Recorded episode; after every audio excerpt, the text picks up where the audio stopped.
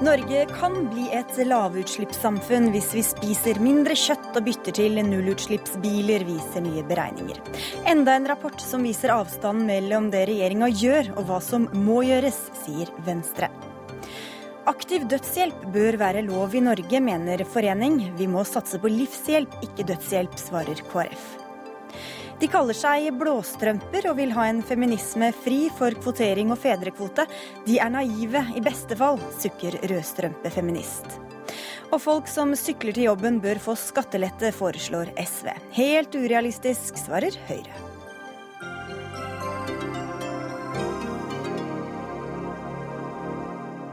Dette er Dagsnytt 18 i NRK P2 og NRK2, hvor vi også får besøk av Tore Rem, som har skrevet bok om Knut Hamsun og møtet han hadde med Adolf Hitler.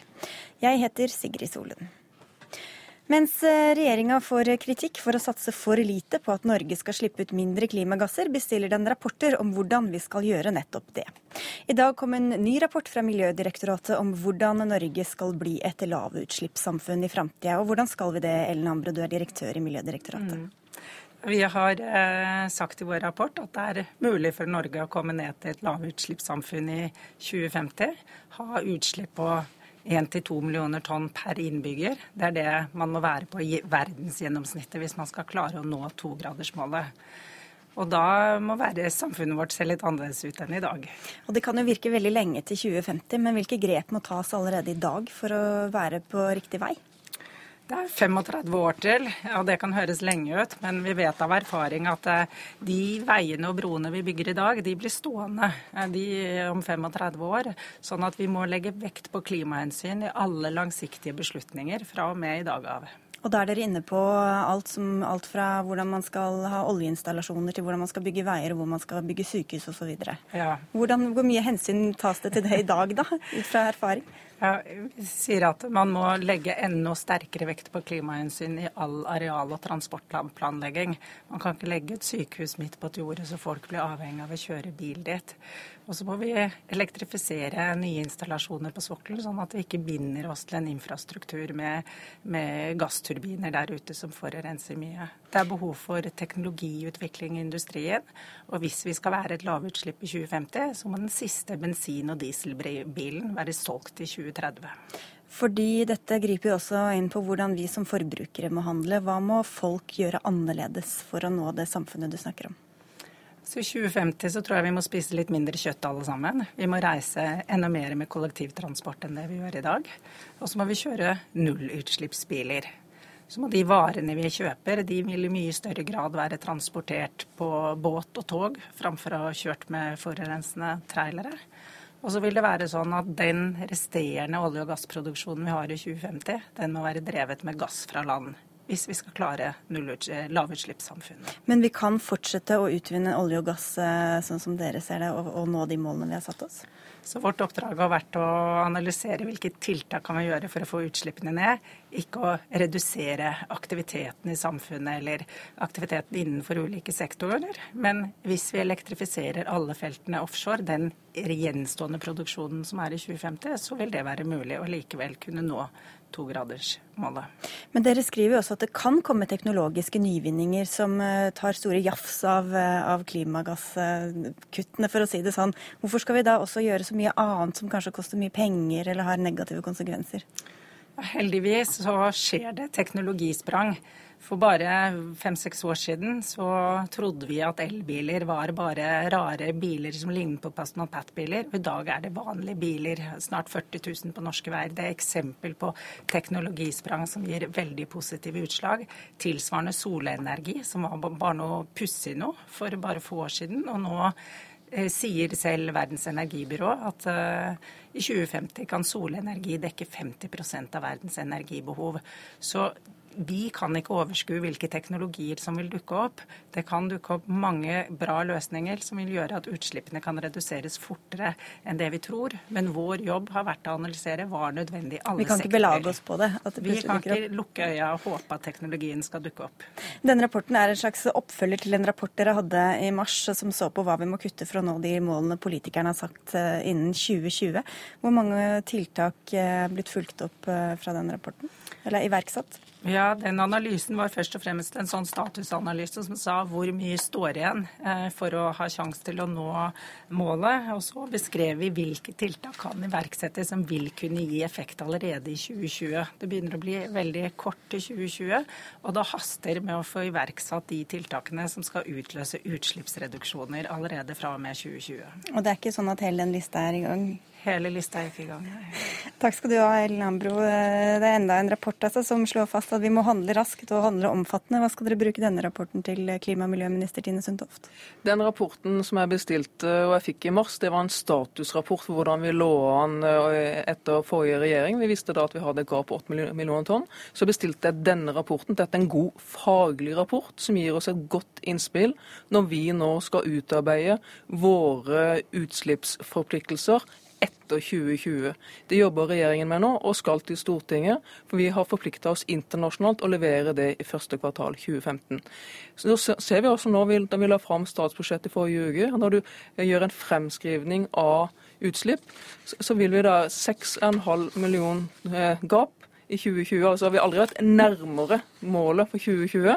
Men den, denne rapporten dreier seg om etter 2020. Så, ja, så vi, vi, har bedt om denne for å få et godt faglig grunnlag. Det positive er at rapporten viser at det er mulig å omstille samfunnet til et lavutslippssamfunn.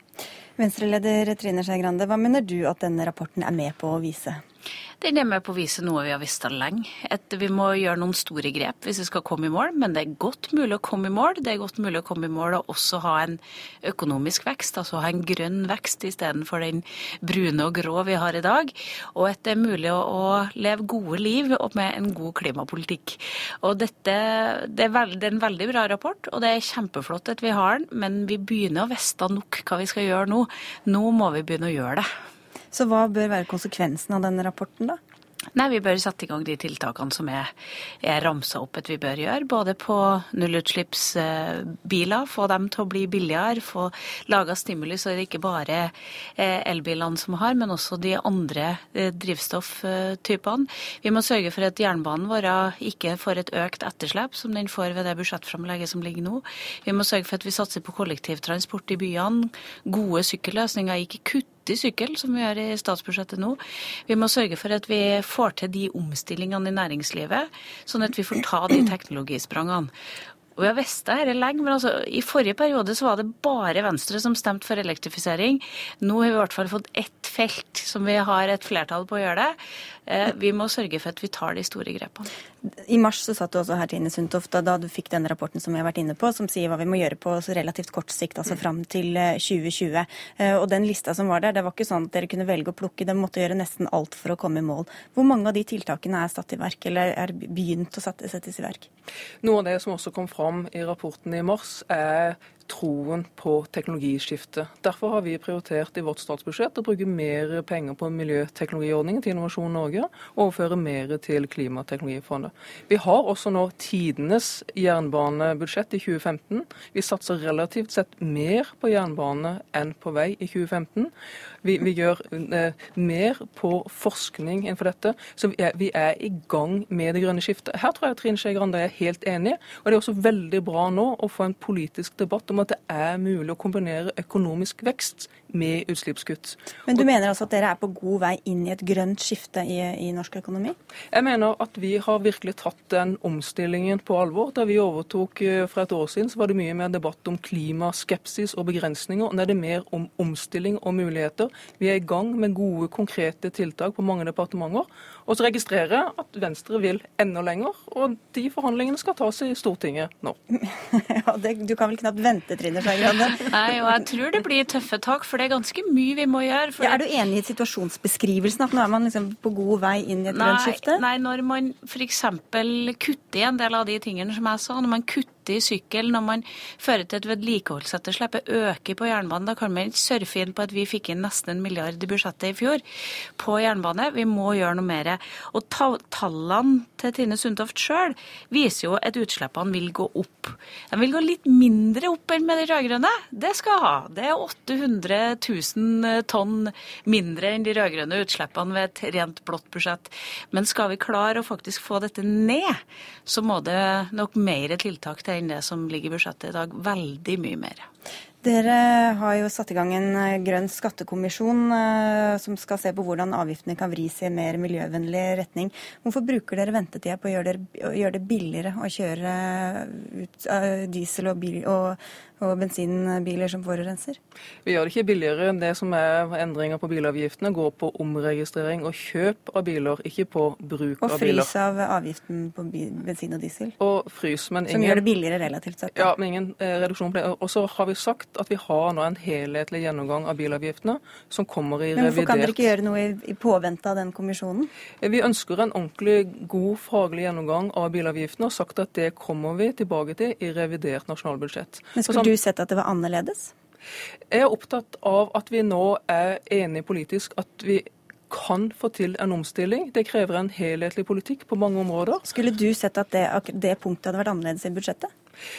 Jeg er fornøyd med at vi kommer tilbake i revidert nasjonalbudsjett. Vi er helt enige om at vi må endre bilavgiftene. Prinsippet om at det skal koste å forurense, eller lønne seg å velge miljøvennlig. Og jeg er veldig fornøyd med at vi viderefører elbilpolitikken i 2015 og kommer tilbake i revidert med resten av bilavgiftene.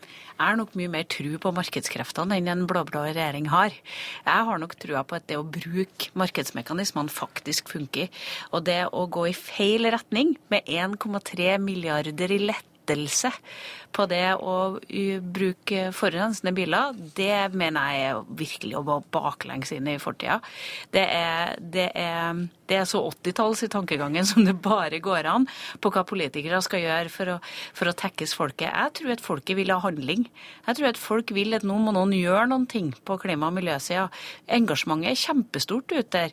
Folk velger miljøvennlige løsninger alle gangene de har muligheten til å gjøre det. Problemet er at politikerne gjør det vanskeligere å gjøre grønne valg. Gjør det vanskeligere for folk å, være, å velge de gode løsningene. Og kan, sånn politikere kan vi ikke ha. Vi må faktisk lage et budsjett som gjør at det lønner seg å velge grønt framover.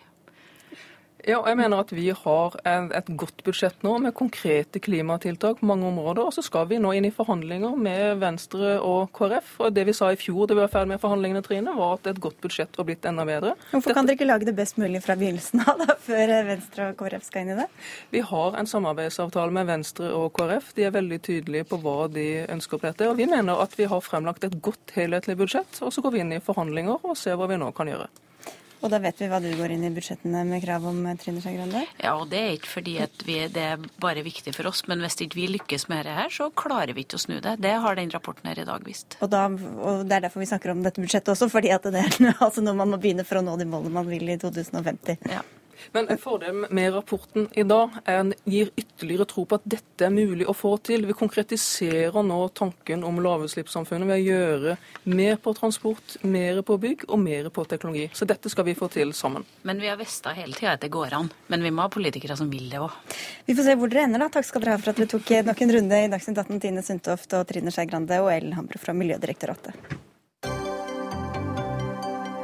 Dagsnytt 18 alle hverdager kl 18.00 på NRK P2 og NRK2. Hvor vi skal til debatten om aktiv dødshjelp, som er blusset opp igjen. I Dagsnytt i morges hørte vi en 88 år gammel kvinne si at hun ønsker å dø, men hun klarer ikke å ta sitt eget liv fordi hun er lammet og sengeliggende etter fire hjerneslag. Og Hvor mange sånne skjebner har dere støtt på, Olav Weirgang Nilsen, du er organisasjonssekretær i Foreningen Retten til en verdig død? Ja, vi støter på den problemstillingen relativt ofte. Eh, det er selvfølgelig i veldig varierende grad.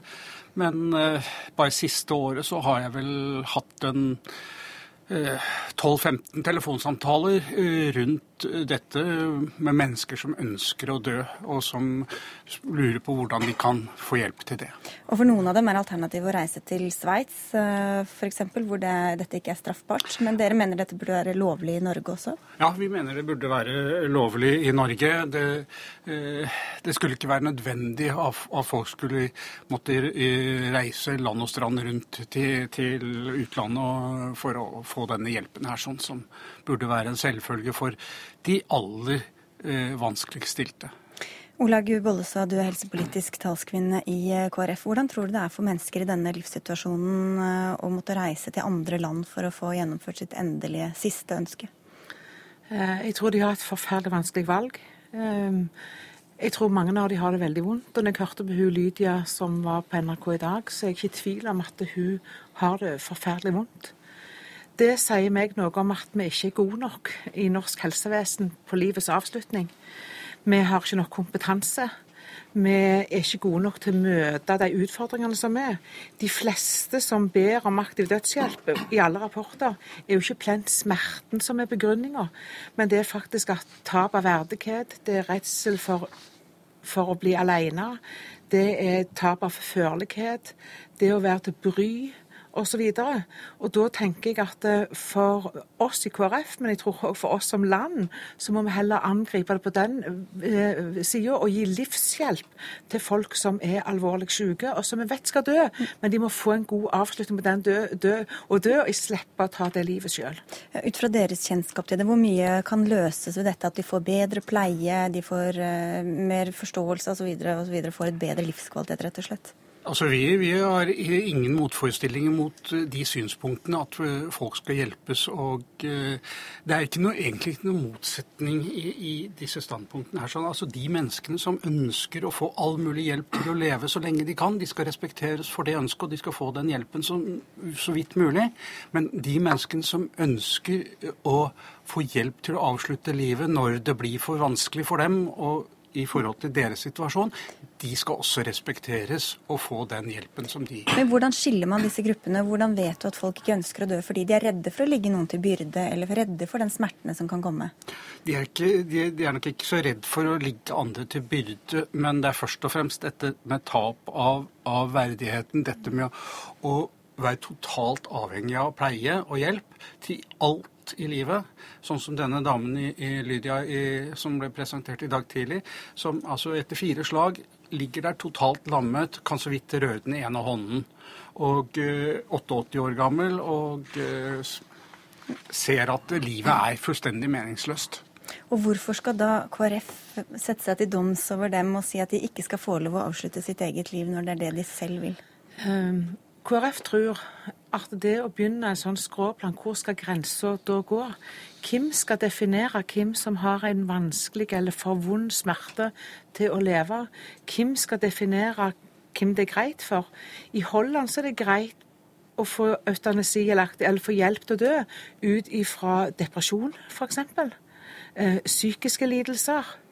Eh, sånn at den grensa blir veldig Og den skråplanseffekt eh, alderen har hele veien endra seg. Nå er de helt nede i barn som skal ta valg. Og da tror KrF at vi må ha fokus en annen plass. At de faktisk går inn, både pårørende, helsepersonell og den som er syk, inn i denne avslutningen med en annen innfallsvinkel, fordi vi tror på livshjelp og ikke aktiv dødshjelp. Eh, du skal få svare på det, men vi skal få inn en tredjeperson her først. Morten Ørsal Johansen, du er stortingsrepresentant for Fremskrittspartiet. Og dere vil i noen situasjoner, står det i deres prinsipprogram, tillate aktiv dødshjelp. Hvilke situasjoner er det? La meg først si at dette er et veldig følsomt og et viktig tema. og Jeg tror det er viktig at vi har en prinsipiell debatt på det. Det er store, store, deler av befolkningen som eh, er enig i at vi skal ha aktiv dødshjelp. Når vi har sagt dette i prinsipprogrammet, så er det fordi vi ønsker en debatt på det, og vi ønsker en utredning på det. Å få på bordet hva som er fakta, hvilke alternativer man har, og selvfølgelig eh, hvilke regler man kan ha for å få dette på en god måte. For vi mener at du, skal ha rett til et verdig liv, men da skal du òg ha rett til en verdig død. Så dere har mer som en løs tanke, og ikke noe sånn sett med sånn skal det være eller sånn skal det ikke være? Nei, selvfølgelig har ikke vi laget regler, og det som er meninga med det. Altså Det vi har sagt, er at vi skal ha en, en debatt på det, og vi ønsker å få utrede dette på en best mulig måte, slik at vi eventuelt da kan uh, ha den muligheten for de få som ønsker dette. Og da er det noen dilemmaer som dukker opp. og Hvor mener dere at grensa bør gå? Hvem skal få hjelp, og hvem skal ikke? Og hvilke regler skal gjelde? Eh, vi har ikke satt noen absolutte grenser, eh, egentlig. fordi at vi ønsker også denne debatten velkommen. Og, og ut fra debatten så må eh, holdt på å si, grenseverdiene, hvis vi kan bruke et sånt uttrykk, komme. Men eh, for oss så er det først og fremst eh, alvorlig syke mennesker. Eh, uten mulighet for helbredelse. Eh, og som har uutholdelige smerter eller eh, stor grad av hjelpeløshet, og som selv utvetydig ber om dette.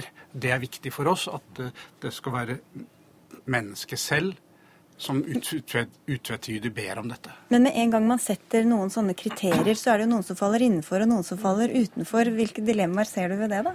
Det er klart at uh, sånne dilemmaer vil kunne oppstå. Jeg tror på at vi skal kunne klare å finne frem til uh, brukbare og gode kriterier uh, i samarbeid med mye myndighetene på dette her. fordi at dette her vil være, og det skjer f.eks. i Nederland og Belgia, det er selv om man kanskje ikke alle syns at uh, de uh, har de riktige reglene, så er det i hvert fall myndighetene, politikerne der nede, som har styrt dette her. Og den såkalte skråplaneffekten som det er snakk om, den, det er en samfunnsutvikling som er uh, politiker- og myndighetsstyrt.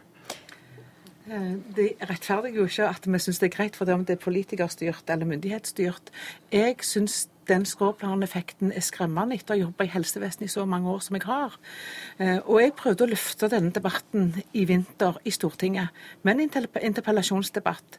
Da uteble Frp i den debatten, og Venstre, som gjerne har vært mest positive til dette. Da ønsker jeg å ha en debatt uavhengig av enkeltsaker, for da er det ofte vanskelig å diskutere. For det er ikke tvil om at Lydia har det vondt. Det er det ikke tvil om. Hva slags livshjelp vil du gi henne da, når hun ligger der og bare ønsker å dø og har gjort det i mange år? For det første så syns jeg at det å plassere ei dame som ikke kan bevege seg noe annet enn armen, alene nesten sammen med folk som ikke gjerne verken snakker til henne på samme måten eller inkluderer henne på samme måte, måten. Det i seg selv syns jeg var et et overgrep da. Så jeg tenker at vi må lage eh, livsmuligheter som er mulige for folk med alvorlig sykdom. Og så tror jeg òg at det pårørende må involveres på en annen måte enn det vi gjør i dag. Jeg tror at pårørende ønsker å bli involvert hvis de kjenner på trygghet, hvis de vet at de får den hjelpen de trenger når de trenger den, at det kommer fagfolk hjem, så tror jeg at pårørende er i stand til å møte døende personer på en helt annen måte enn det vi har gjort litt bruk av i dag. Morten Ørsal Jansen, vi er veldig glad for at du er her i dag, men det er jo ofte en debatt som kanskje i hvert fall FrPs ledelse ikke er sånn fryktelig glad for å ta nødvendigvis. Hvorfor skal dere ha et prinsipp prinsipp i prinsipprogrammet. Hva er det verdt hvis dere ikke vil følge det opp i handling i handlingsprogrammet? Selvfølgelig er det verdt en, del, en, en god del. For det, vi har sagt at vi ønsker å få en utredning på det. Nå, det, nå, går debatten, den er så vidt i gang, og, og det er vi glad for. den er jo oppe fra tid til annen. Da, da, altså... Jo, men da må vi jo få den utredningen, da vi får alle fakta på bordet, får alle muligheter uh, framlagt, og ikke minst får uh, forslag til et, et, regelverk. Og jeg er helt enig med Vollhaug at, vi skal ha, at vi skal gi livshjelp så lenge som overhodet mulig, men det er ikke sikkert at det er det eneste rette alltid. Og når det er slik at du skal tvinge noen som er uhelbredelig syke, som ligger i en sjukeseng og pines helt til kroppen gir opp, da, da, mener jeg at det, uansett hvor lang tid det vil ta, så mener jeg at det er inhumant. Nå sitter dere jo med makt, da. Vil du foreslå en sånn utredning overfor regjeringskollegene dine? Nå, nå skal vi se hvordan, hvordan debatten er, og, og, ikke minst hvordan, hvordan, dette er i befolkningen. For det er viktig å lytte til befolkningen. Skal dere ha en folkeavstemning? Nei da. Er, man tar alltid opp de signalene som kommer i befolkningen. Og da er det òg viktig å lytte til dette. Men som sagt, vi ønsker å få en utredning på det, og så får vi se hvordan dette er utviklet. Men dette er jo en debatt som har gått og rulla og gått i mange, mange år år, da? Han har gått i, i, mange år, og jeg tror han kommer til å gå i en god del år til i Norge òg. For det er som jeg sa til å begynne med, det er et utrolig følsomt, men viktig tema. Men når skal dere ha den utredningen, da? Nei, vi kan ikke sitte og tidfeste noe slikt nå, for som sagt, dette er så følsomt. Mm. men attpåtil så viktig at vi tror vi må bruke den tida som er nødvendig. Og Hva håper dere skjer? Ja, altså, vi håper jo at vi får en, får en endring i lovgivningen som gjør at assistanse til å ta sitt eget liv ikke lenger blir straffbart. Fordi at vi vet, selv om eh, legestanden i stor grad er imot, eh, så vet vi at det finnes leger også som er enig i de standpunktene vi står for, og som er villige til å hjelpe. Men de kan ikke fordi det er straffbart eh, i dag. Og pårørende og, ja. også, som, som, ønsker å hjelpe noen som de ser lider til å dø. Uten å tørre å gjøre det? Eh, ja, uten å tørre å gjøre det. Samtidig så er det mange som òg føler et press i forhold til dette, fordi de er hjelpeløse, er født hjelpeløse og føler et press på slutt av livet sitt. Og Det tenker jeg, det vil jeg lufte med, en, med, med et Dokument 8-forslag som går på palliasjon. Da får vi si eh, ønske deg velkommen, og velkommen tilbake til debatten når det kommer. Takk skal dere ha for at dere tok eh, debatten i denne omgang i Dagsnytt 18.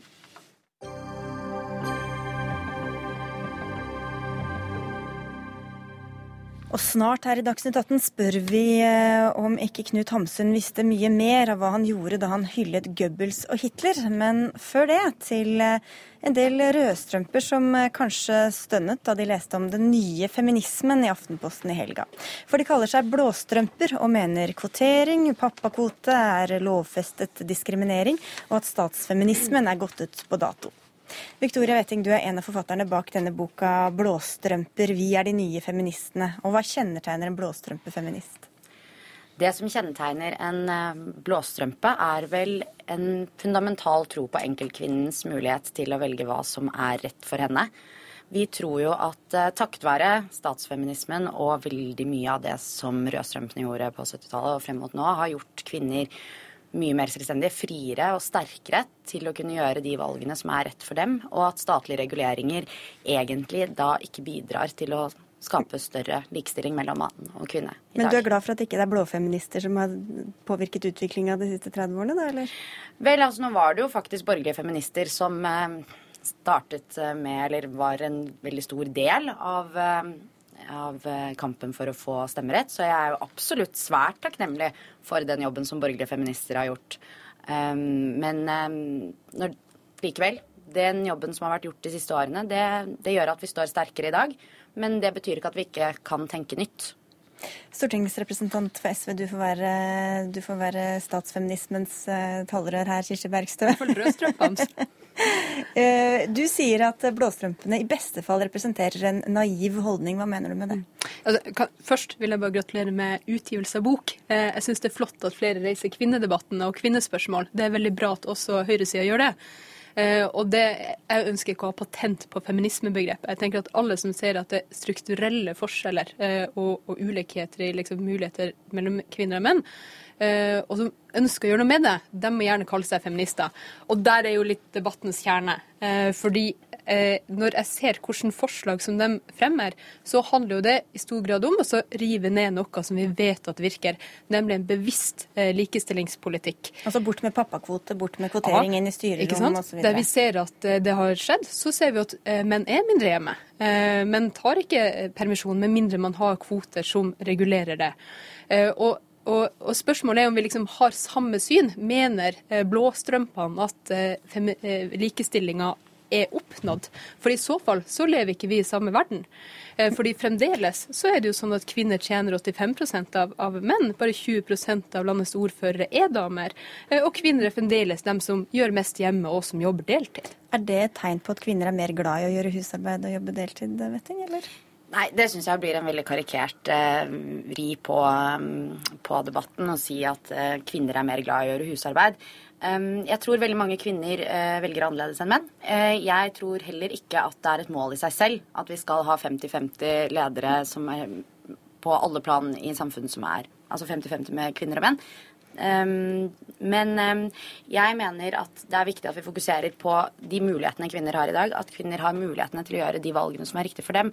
Hvis de velger å være hjemme, så er ikke det et svik mot likestillingens idealer. Det er um, et selvstendig valg som hver kvinne har mulighet til å ta for seg selv. Og da er det, om det skaper strukturer i samfunnet eller får skeive uttellinger, så er ikke det så farlig? Altså, jeg tror det er veldig farlig hvis vi faktisk sitter og ser ethvert um, ethvert valg som et resultat av um, strukturelle, strukturelle forskjeller. Eh, jeg kjenner meg ikke igjen, og jeg vet at det er mange unge kvinner i dag som ikke kjenner seg igjen som et offer for strukturene. Mm. Men det handler jo om vi skal eh, Det ene spørsmålet er jo er likestillinga oppnådd. Har vi full likestilling i Norge i dag? Det kommer an på hva du snakker altså Hvor vil du ha likestilling? Er det sånn at hva kvinner og menn i praksis har like muligheter? Er det sånn i dag, eller er det fremdeles sånn at vi møter en del kjønnsbarrierer? Jeg vil si at vi gjør det siste. Og da er det to forklaringer på det. Enten så kan man fortsette å si det høyresida har sagt veldig ofte, nemlig at folk bare må ta seg sammen og skaffe en au pair hvis de ikke får livet til å gå i hop. Ikke alle eller som så, sier det, kanskje. Eh, eller så for, Nylig sa jo Nikolai Astrup fra Høyre det. Eh, eller så, så får man si at her er det noen ting vi er nødt til å faktisk ordne med politikk politikk. For det er jo derfor Norge har blitt et av verdens aller mest likestilte land. Det er fordi vi har hatt en bevisst eh, likestillingspolitikk. Både når det gjelder velferd, når det gjelder arbeidsliv, og når det gjelder likestilling. For de tingene henger i hop. Men vi må litt videre også, Vetting. Du har også etterlyst mer feminisme fra høyresida, som du nå kanskje forsøker å rette opp. da. Hva er det du savner fra, fra høyresiden i politikken? Altså, vi, Det vi etterlyser, er jo en, en bredere, et bredere feministisk engasjement som ikke går utelukkende fra uh, partier. Uh, vi roser Høyres kvinneforum og Julie Bråttkorp for det arbeidet de har gjort faktisk i denne boken her. Uh, for det mener vi er veldig, veldig bra. og det var veldig på tide at det skjedde. Samtidig så tror vi at det er viktig at man får et engasjement som ikke er knyttet til partiet. Um, Høyre eller til andre partier, um, slik man har sett på venstresiden. At uh, du ikke trenger å ha en allianse til ett parti for å kunne kalle deg blåfeminist. Nå er du allerede introdusert, eh, Julie Bråttkorp. Du er leder for Høyres eh, kvinneforum, og du ga jo også ut din egen feminismebok eh, for et par år siden.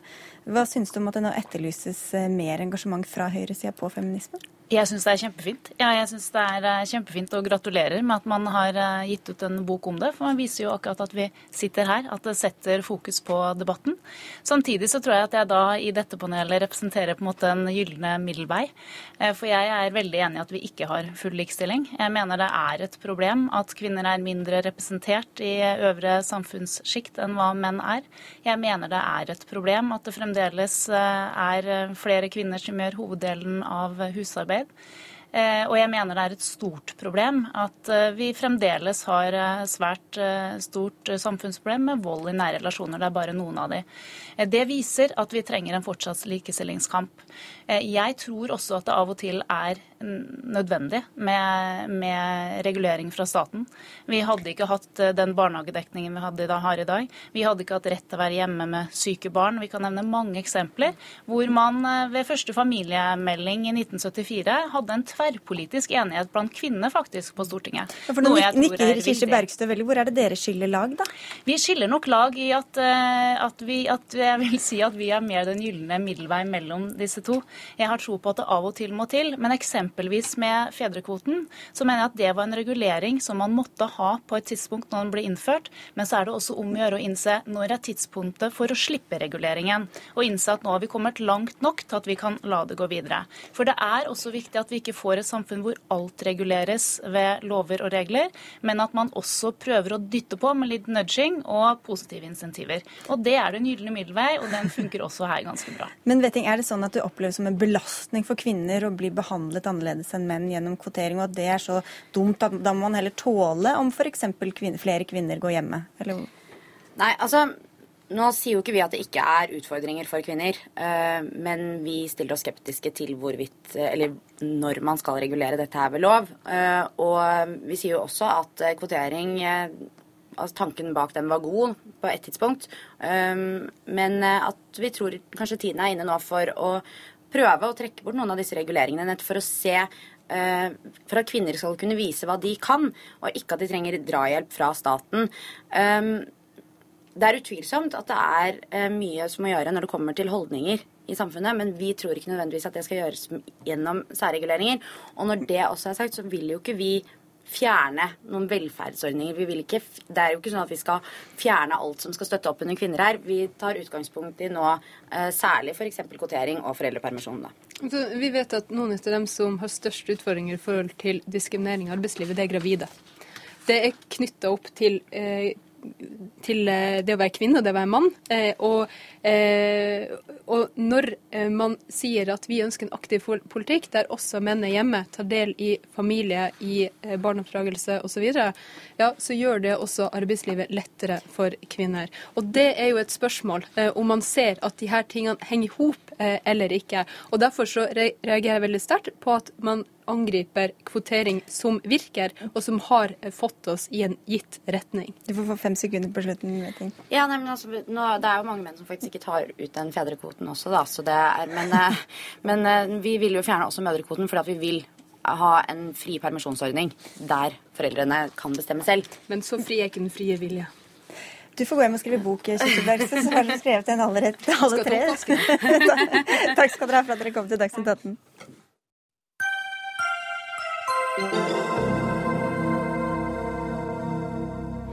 Over 150 år etter at Knut Hamsun ble født, er han fortsatt en av Norges mest bejublede forfattere. Forholdet hans til nazismen og Hitler er vi derimot ikke så glade i å snakke om. Og i en ny bok kommer det fram at han spilte en mer bevisst og aktiv rolle enn det kanskje har vært gjengs å tro. Tore Rem, du er kritiker og litteraturforsker og forfatter, nå sist altså av boka 'Knut Hamsun reisen til Hitler'. Velkommen. Takk. Denne reisen handler både om reisen til dette fysiske møtet som Hamsun hadde med Hitler under andre verdenskrig, men også reisen som forfatteren gjorde inn i nasjonalismen og nazismen. Hvorfor syns du det er viktig å belyse og eh, vise dette og utdype dette i 2014? Helt generelle svaret er jo at um, vi blir ikke ferdig med, med, historien, og at dette er en del av vår kollektive erindring som nasjon. Um, det er forskjellige og ulike fortellinger som har blitt fortalt om dette her. Uh, og vi står nye steder. Det er nye ting å finne. Uh, det var det i dette tilfellet. Uh, og våre fortolkninger vil bli nye når vi, når vi befinner oss et nytt sted i historien. Altså, I tillegg så handler det om store temaer som autoritet, som forholdet mellom eh, politikk og litteratur, eh, som et menneskes reise inn i det totalitære. Hva var det? Hvordan skjedde det? Og sånne spørsmål tror jeg ikke vi blir ferdig med. Og spesielt ikke når det gjelder en forfatter Eh, som har skrevet en litteratur som vi ikke ble ferdig med, som vi ikke betviler. Altså vi betviler ikke kvaliteten på den litteraturen. Snarere er det fordi han var en så god forfatter at dette holdes levende. Du prøver å nyansere eller endre eller utvide, utvide det bildet som har blitt gitt av Hamsun som en som ikke skjønte helt hva som foregikk, som satt litt sånn avsondret fra verden. Et bilde som kanskje har vært mm. behagelig for mange å, mm. å, å ty til. Hvordan, eller Hva er det du har kommet fram til som viser at det ikke var helt riktig? Altså jeg vil si at jeg har prøvd, det begynner jo ikke, Dette er jo ingen debattbok om Hamsun. Det er, en, det er et forsøk på å skrive en dokumentarbok om et helt fascinerende øyeblikk i norgeshistorien, om en, en eh, komplisert, sammensatt person. Um, men så jeg har prøvd å nærme meg det materialet åpent. Uh, og det som kommer fram, er jo helt klart at Selvfølgelig visste han ikke rekkevidden av alt han gjorde, men han er aktiv. og Han danner seg eh, sine synspunkter veldig tidlig. Og igjen og igjen så går han inn i eh, debatter. Han, når vi kommer til krigen, så tilbyr han artikler. Han blir snarere irritert og utålmodig når det ikke kommer på trykk snart nok. Altså Det er ikke sånn at, han, at vi kan måte, parkere han som en gammel, døv mann som ikke visste hva han gjorde. Um, noe av det nye materialet mitt, så kommer det fram at Marie for eksempel, mener at nei, hadde Marie bare, Hamsen, altså, Marie Hamsen, altså, hadde han bare vært litt yngre, så hadde han kanskje gått enda hardere inn. Liksom. Altså, tanken på at han skulle forandre posisjon, som hadde vært helt fastlåst fra hvert fall fra tidlig 30-tall, den, den, er veldig vanskelig å opprettholde. Uh, og der er det det har vært noen store unnlatelsessynder i norsk historieskriving generelt. Ikke minst når det gjelder uh, jødedeportasjonen og sånt, som først har blitt korrigert i, i de, de, siste åra. Og da vil jeg si Hvis man går inn i Hamsun-litteraturen, altså hva Hamsun-elskere og, og til dels litteraturforskere har skrevet, uh, så er det atskillig verre. Altså jeg, jeg, jeg skjønner ikke hvorfor vi ikke kan nærme oss det åpent. Det er så mange forsøk på å vri seg unna, unnskylde han, lene seg veldig tungt på ting som rett og slett ikke kan eh, eh, det holder ikke når man ser nærmere etter, rett og slett. Så Noe av det som skjer i denne boka, er jo at det er en enorm dokumentasjon som legges fram på hvor han sto og, og hvordan han agerte. Da. Og reisen dit også, at, han, at, det var en slags logisk eh, vei han førte fram til nasjonalismen? Ja, som ikke bare handler om ideologi, men som handler om at han påtok seg en profetrolle. Altså at han påtok seg en ytre autoritet. Uh, I stedet for, uh, kunne man sagt, da, å være fornøyd med å uh, produsere gode tekster som, som gjorde noe med leserne som skjønnlitteratur. Før dette møtet som du beskriver mellom Hamsun og Hitler, så møtte han også propagandaminister hans uh, Goebbels. De to satte veldig stor pris på hverandre, men da Hamsun ble bedt om å møte Hitler, så ble han nærmest irritert, skriver du i boka hans. Ja. Hvorfor, hvorfor, var han ikke mer entusiastisk over tanken på dette møtet? Nei, han følte Han hadde en sak han ville uh, Eller anlegger han ville fremføre. Så før så hadde han vært inne på tanken at han gjerne ville til, uh, ville til Hitler og legge ting fram. Og han, han, gikk alltid til topps. Altså han, han hadde helt fra han var ung, så gikk han om det var Bjørnson eller hvem det var, så han gikk til topps. Men i dette tilfellet så følte han at det var andre i reisefølget som var bedre skikka til å legge det fram for Hitler. Eh, ikke minst denne Herman Harris Aall, som var en nazijurist som var med. De ville kvitte seg med Terboven, det var Anliggende Anleggene var at de ville bli kvitt Terboven. Altså for at uh, Quisling skulle, og NS skulle lykkes i Norge, så måtte Quisling bli mer populær for større makt. Mens Terboven burde parkeres og helst sendes ut av, ut av, landet. Så det var det som var anleggene. Men det ikke, ble ikke så veldig populært hos Hitler at de kom med dette? Nei, det var det ikke sant? Denne episoden har vært gjort til noe sånn veldig heroisk. da. Altså Det er nærmest som om Hamsun ikke var nazist fordi Hitler ble sint. Men det Hitler ble sint for, var jo at Hamsun ga seg ikke. Altså Han var en mann med en annen type autoritet. En litterær, kulturell autoritet. En verdensberømmelse. altså jeg tror, En verdensberømthet. Eh, jeg tror ikke vi helt skjønner rekkevidden av hvor stor han var i den samtida, hvor viktig han derfor var i Det tredje riket. Så han kom inn, og han ga seg ikke, og han terpa videre på sitt poeng, og det var ikke Hitler vant til, for å si det forsiktig. Eh, Goebbels roste jo Hamsun paradoksalt nok for å framstille menneskene som de var, og ikke gode eller enten gode eller onde. Og Markens Grøde ble veldig hyllet, særlig av unge nazister. Og den siste boka i trilogien om August kom så seint som 1923. 33. 33, mener jeg. Mm. Eh, men i hvilken grad gjenspeiler bøkene det politiske synet som Hamsun hadde? Ikke, altså, Det å skrive om de sju dagene på reise i 1943, det har ikke så forferdelig store implikasjoner for hvordan vi forstår det han skrev før dette her. Men, men han var jo allerede opptatt altså Den August-trilogien, altså landstrykertrilogien, er noe av det mest spennende, syns jeg, sånn litterært sett, fordi den nettopp skrives i en periode hvor han er uh, ihuga fascist, for så vidt, på vei inn i det. og Eh, men samtidig, og han vil si noe. altså Han vil si at den moderne verden er en forferdelig greie med rastløse mennesker som reiser rundt eh, og ødelegger det hele, eh, bort fra jorda. Men så er han samtidig så forplikta på en litterær metode, på sine skikkelser, hva det måtte være, at, at, han undergraver det. Altså Det blir mer komplisert. Det blir litteratur. Det, det blir ikke budskap. da. Tida løper fra oss her, Tore, men jeg er nødt til å spørre deg før du går. Eh, for Du har jo gjort deg visse tanker om denne hankedebatten og parallellene til Hamsun, som som har vært nevnt flere ganger. Ja, eh, jeg har altså ikke jobbet med dette i fire-fem år for at det skal bli en del av hankedebatten, men denne boka. Men det er klart at det er paralleller der som handler om forholdet mellom skjønnlitteratur og historie og politiske kontekster. Som handler om autoritet. Hvilken autoritet skal forfattere ha når de ytrer seg i offentligheten? Skal, hvilken autoritet skal vi tillegge deres ytringer? Um, og jeg syns jo ja, jeg kan vel si at det, det, er mange ting som er blitt sausa sammen i denne debatten. Eh, og det, det, er komplisert. Det er, ikke, det er verken et én-til-én-forhold mellom litteraturen og det politiske eller det historiske, eller et ikke-forhold. Jeg syns det blir altfor enkelt når man, når man, postulerer at uh, her er forfatteren og der er verket. Det det er i hvert fall et sted å begynne den debatten. Vi får si tusen takk for at du kom til Dagsnytt 18, Dorerem, og snakket om boka om Hitler og Hamsun. Takk. Hør Dagsnytt 18 når du vil. Radio NRK Radio.nrk.no.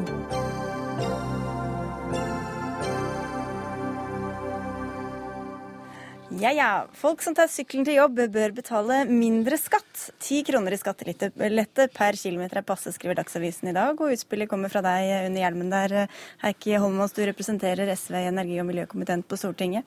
Hvorfor er dette en god idé, mener du? Det er viktig fordi at det å få flere folk til å sykle er det beste vi kan gjøre for kropp, kropp og klima. Det er altså sånn at For hver eneste ekstra menneske som sykler, så sparer vi en bil i, på veiene. Vi sparer et eh, sete på bussene.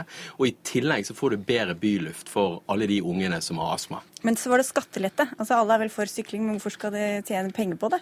Nei, altså Helsedirektoratet, Statens vegvesen og eh, Miljødirektoratet var for en måneds tid siden ute og delte ut en hundrelapp til hver syklist, for de har regnet at samfunnet sparer 100 kroner for hver gang noen tar en jobbsykkeltur som er omtrent på 4 km.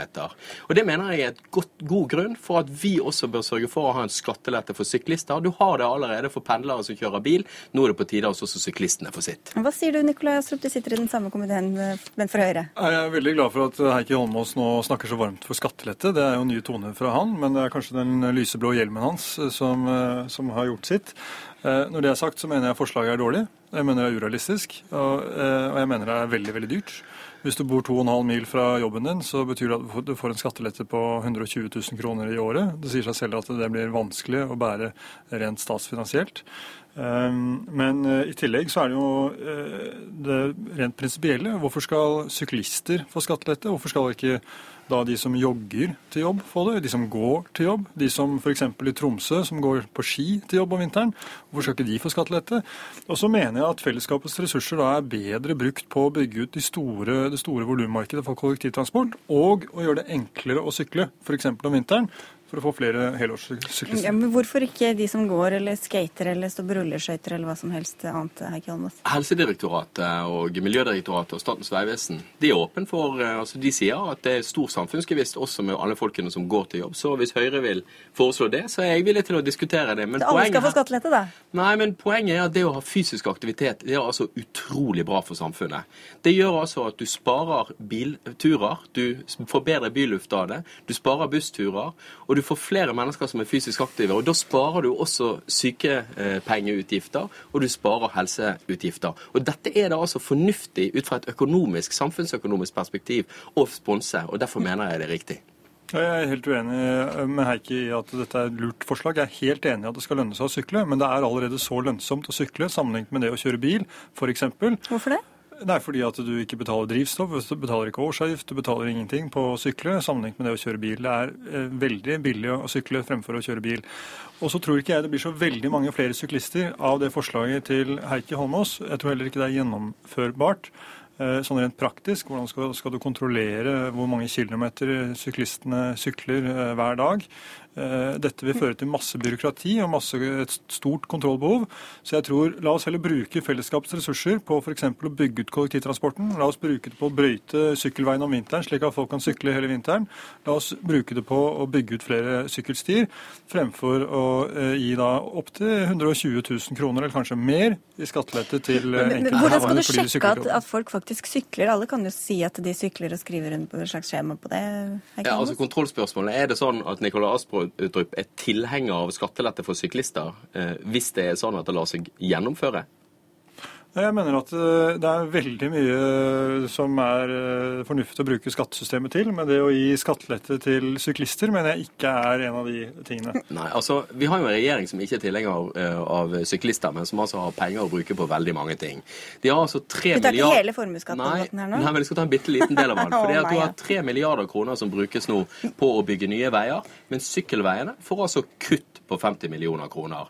Og Vi har altså en skattelette som gis i milliardklassen til de som er aller rikest. Da mener jeg at de pengene Det er bedre å bruke penger på sykkelveier enn på motorveier. og det er bedre å bruke det, for dere er opptatt av en, sosial, av en sosial skatteprofil. Eh, dette vil jo gagne da først og fremst de som har råd til å bo sentrumsnært, ikke de som er uh, barnefamilier ute i, uh, ute i periferien Nei, tre, tre mil fra Det vil gagne alle menneskene som sykler. Og i Norge så er vi et u-land sammenlignet med med vet hvem som sykler til jobb, da. Jo, men vi det er vet ikke de som sykler, bruker én time på å sykle til jobb. Hele poenget er jo at vi vil ha flere mennesker til å sykle, og det er to ting som gjelder.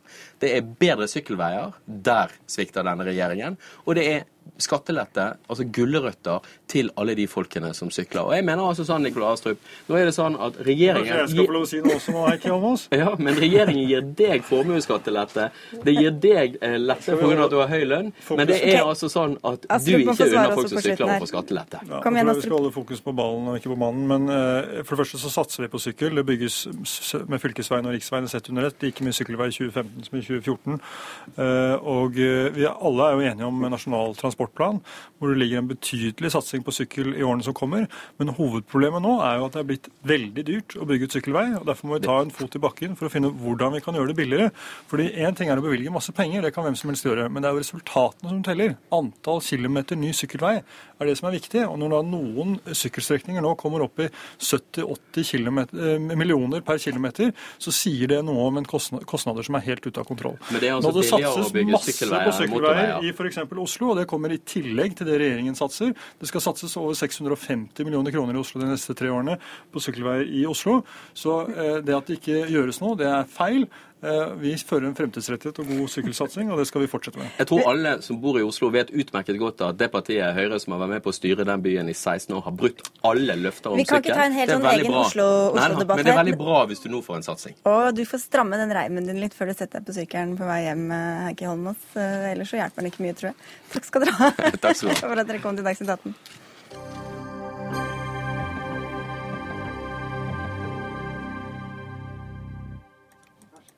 Neste høst bør det være slutt på gratis høyere utdanning i Norge for studenter fra Asia, Afrika og andre områder utenfor EØS, mener regjeringa. I forslaget til statsbudsjett for neste år kuttes budsjettrammene til statlige universiteter og høyskoler med drøyt 80 millioner kroner. Med på kjøpet fikk de et forslag om å ta betalt av studentene. Og dette fikk mange til å protestere, blant andre deg. Du er rektor ved Universitetet i Oslo, Ole Petter Ottersen. Hvorfor det? Hvorfor protesterte du? Ja, Det er jo ikke pengene her som er eh, det viktige etter vårt syn, det er jo prinsippene. Vi eh, roser oss selv i dette landet ved at vi har en eh, internasjonal profilering, ved at vi bidrar til konfliktløsning, til vaksineprogrammer i andre land. Vi har i hele tatt en internasjonal profil. Og så gjør vi altså det, eller budsjettet foreslår altså å ta bort de eh, midlene som eh, skal til for å opprettholde studieplassene for eh, studenter fra utenfor EØS. Vi syns ikke det henger helt sammen, og derfor så må vi si at det er med en undring at vi ser i et ellers ganske godt budsjett at studieavgiften da, eller at gratisprinsippet da blir torpedert. For du tror du kommer til å få mye å si for hvem som søker seg til bl.a. ditt universitet? Det vet vi jo. Vi kan se på erfaringene fra Sverige. De gjorde jo akkurat det samme for noen år siden, i 2011. Og der falt antallet studenter fra land utenfor EØS, EØS til omtrent halvparten veldig raskt. Man får altså en europeisering av campus, som vi sier. Det er jo ikke akkurat dit vi ønsker å gå når vi er i en verden som er så global som den er nå. Og du som pleier å si at vi ikke skal se til Sverige likevel, Henrik Asheim, sitter på Stortinget for Høyre. Hvorfor vil dere da innføre dette? Det er eh, både altså For det første så er det fordi det er noe alle landene rundt oss har gjort. Danmark, Sverige, Finland har gjort det. Eh, Og bare for å si det, Dette er ikke snakk om studenter som kommer fra EØS-området. De er fritatt. Det er heller ikke studenter som kommer gjennom utveksling. De er også fritatt. De som kommer fra de fattigste landene, er fritatt. Og studenter som bor i Norge, en russer som har oppholdstillatelse i Norge og studerer i Norge, er også fritatt. Dette er snakk om studenter i all hovedsak fra USA, Kina, Russland og noen fra India. Og det vi sier er at eh, når man først skal bruke penger på høyere utdanning i Norge, så er det litt rart å si at vi skal bruke 80 millioner kroner neste år på å subsidiere gratis utdanning for amerikanske studenter, eh, mens norske studenter som reiser til USA for å studere f.eks., må betale ganske store summer i skolepenger. Hvis vi skulle bruke 80 millioner neste år på kvalitet i høyere utdanning, så tror jeg ikke så mange ville sagt la oss bruke 80 millioner på subsidiere gratis utdanning for amerikanere. Jeg tror det er ganske mange andre ting vi heller kan bruke de pengene på. Ja, Trond Giske, du sitter i den samme komiteen eh, for Arbeiderpartiet. Hvorfor skal norske skattebetalere bruke penger på å utdanne folk fra Asia eller Afrika som kanskje heller ikke blir værende her etterpå? For det første så tror jeg det er veldig bra for norske universitet, for læringsmiljøet der, eh, for studentene og for de ansatte, at det er et internasjonalt miljø. At vi har studenter. Det er vel internasjonalt, selv om ikke akkurat denne gruppen kommer? Vel, tre av disse landene som ble nevnt, eh, Brasil, India eh, og Russland, er jo land som vi spesifikt har sagt i ulike strategier at vi ønsker mer utveksling med. Dette forslaget vil gi mindre utveksling. Men la meg ta de to viktigste argumentene. Det ene er prinsippet, gratisprinsippet.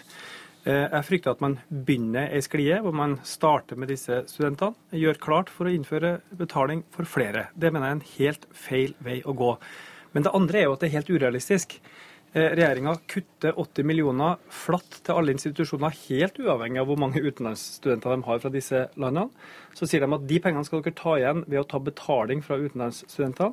Sannheten er at de fleste kommer til å slutte. I Sverige, når de gjorde det samme, så slutta 80% av studentene. Så disse pengene er det helt umulig å få inn. Så kan man tenke ja, men da sparer institusjonene de pengene. Men man sparer jo ikke kroner av at én eller to studenter forsvinner fra en klasse. Man må ha akkurat like mye undervisning, man må ha akkurat like mye folk.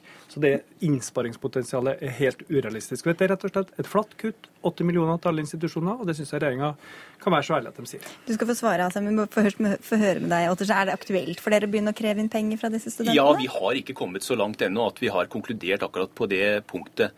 Så det er klart eh, vi har en eh, mulighet eh, til å selv da subsidiere studenter fra land utenfor EØS, og det står jo som en mulighet. Men det blir jo veldig skjevt da å bruke USA som eksempel her. For det første så er vel ikke akkurat velferdssystemet i USA det vi ønsker å sammenligne oss med her hjemme, for å si det slik. Og for det annet så er det jo nå slik at eh, USA er eh, en relativt eh, liten aktør når det gjelder det å sende studenter til, til universitetene i Norge. Vi er jo mye mye mer opptatt av de landene som virkelig kommer vanskelig ut her. Og det er land med få ressurser.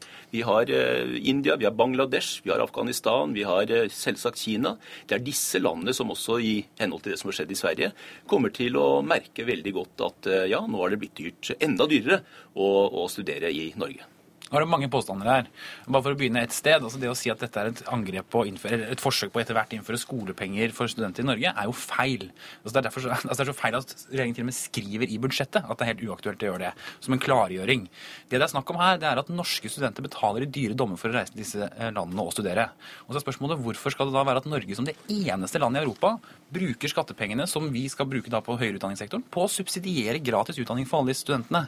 Når Finland, Danmark, Sverige har innført det, så har jo også presset økt på norske institusjoner. Og jeg syns det er veldig bra å tiltrekke seg studenter fra utlandet, men jeg syns ikke vi skal gjøre det på pris. Vi skal gjøre det på kvalitet. Men hvor mange tror du kommer hit eh, og liksom velger å bosette seg i Bergen eh, i stedet for i England eller USA med det kostnadsnivået som er i Norge, da? Ja, Det kostnadsnivået er jo ikke veldig mye høyere enn Danmark og Sverige.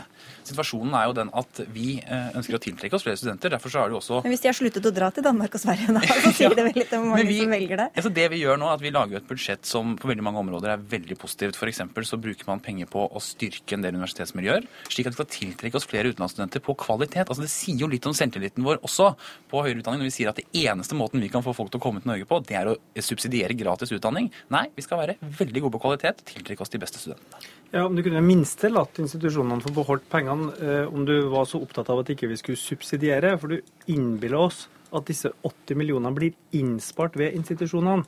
Det blir de ikke. Det er altså sånn at Hvis det slutter en kineser eller en russer i eh, et eller annet fag på Universitetet i Oslo, så er det ikke sånn at det faget blir lagt ned, eh, foreleseren går hjem og lokalet stenges. Utgiftene er nesten akkurat de samme. Du har ikke engang regna med hvor mange studenter det er på de ulike institusjonene. Det er bare et flatt kutt. Eh, eh, på, på, på en høyskole har de regna ut at det tilsvarer 100 000 kroner per utenlandsstudent. Det er helt vanvittige eh, beløp. Det tredje, du har ikke engang regna med hva det koster å innføre et betalingssystem. Men det skal Henrik Asheim få svare på det. kommer ikke til å bli dekt. Så mange institusjoner kommer ikke til å innføre dette, for det er for dyrt, det er for upraktisk, og det jager utenlandsstudenter hjem. og Derfor er det et rent kutt, sammen med 150 millioner som må kutte på toppen av det i universitetssektoren. Nei, det er et dårlig universitetsbudsjett, rett og slett. Nei, vet du hva? Altså, det er dette som er ganske oppsiktsvekkende. Det er jo en reell vekst i høyere utdanningsbudsjettet og i forskningsbudsjettet. og som selv rektoren her sier at ellers er det et godt budsjett. Jo, men selvfølgelig, men det, da betyr det jo ikke at dette er et kutt. Det betyr jo faktisk bare en omprioritering. Det vil si at hvis vi først skal bruke mer penger i utdanningssektoren, så sier vi vi bruker ikke det på å subsidiere amerikanske studenter, vi bruker det på å løfte kvaliteten på norsk universitet han som vet hvor skoen trykker, da. Ja, altså igjen, Det å bruke amerikanske studenter her blir jo helt uh, skjevt etter mitt syn. Nå har jeg vært i kontakt i løpet av dagen med flere lærere og flere, flere institutter på egen institusjon. F.eks. det er et masterstudium i human rights, menneskerettigheter. Veldig mange studenter fra asiatiske land, ofte land da med få ressurser. Det er slike studier som virkelig kommer til å lide nå. Jeg forstår ikke hvordan man kan i et budsjett som ellers har en god internasjonal profil, klarer å putte inn et tiltak som går så imot dette. Så for deres egen del så er det ikke økonomien som er så bekymringsfull, men, for, men konsekvensene for studentene? Ja, altså Det som er saken, er jo at eh, enkelte studier vil eh, merke det veldig veldig veldig godt. Noen av våre internasjonale studier. Og dette betyr en campus som eh, ikke lenger har den internasjonale profilen som vi ønsker et campus skal ha. Og dessuten så går det utover kompetansen også til syvende og sist i norsk næringsliv. For mange blir igjen og får jobber, viktige jobber i norsk næringsliv. Men Derfor kan man f.eks. også utvide de utvekslingsprogrammene man har. Det er fullt mulig for Universitetet i Oslo også å gjøre det. Men det vi diskuterer nå, grunnen til at jeg bruker f.eks. amerikanere som et eksempel, er jo fordi du kan utvide dette til å hente inn studenter fra Bangladesh. Det er ikke noe problem, det. Men det vi sier, det er at når vi først skal bruke pengene, så prioriterer vi å bruke de pengene på å løfte statusen, løfte universitetsmiljøene, istedenfor å subsidiere enkeltstudenter.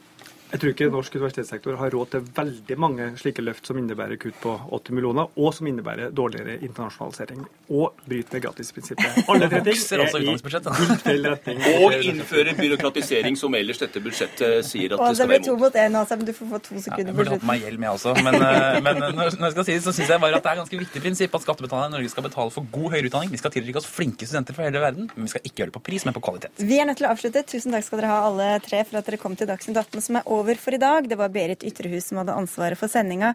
Erik Sandbråten var tekniker, og i studio satt Sigrid Solund.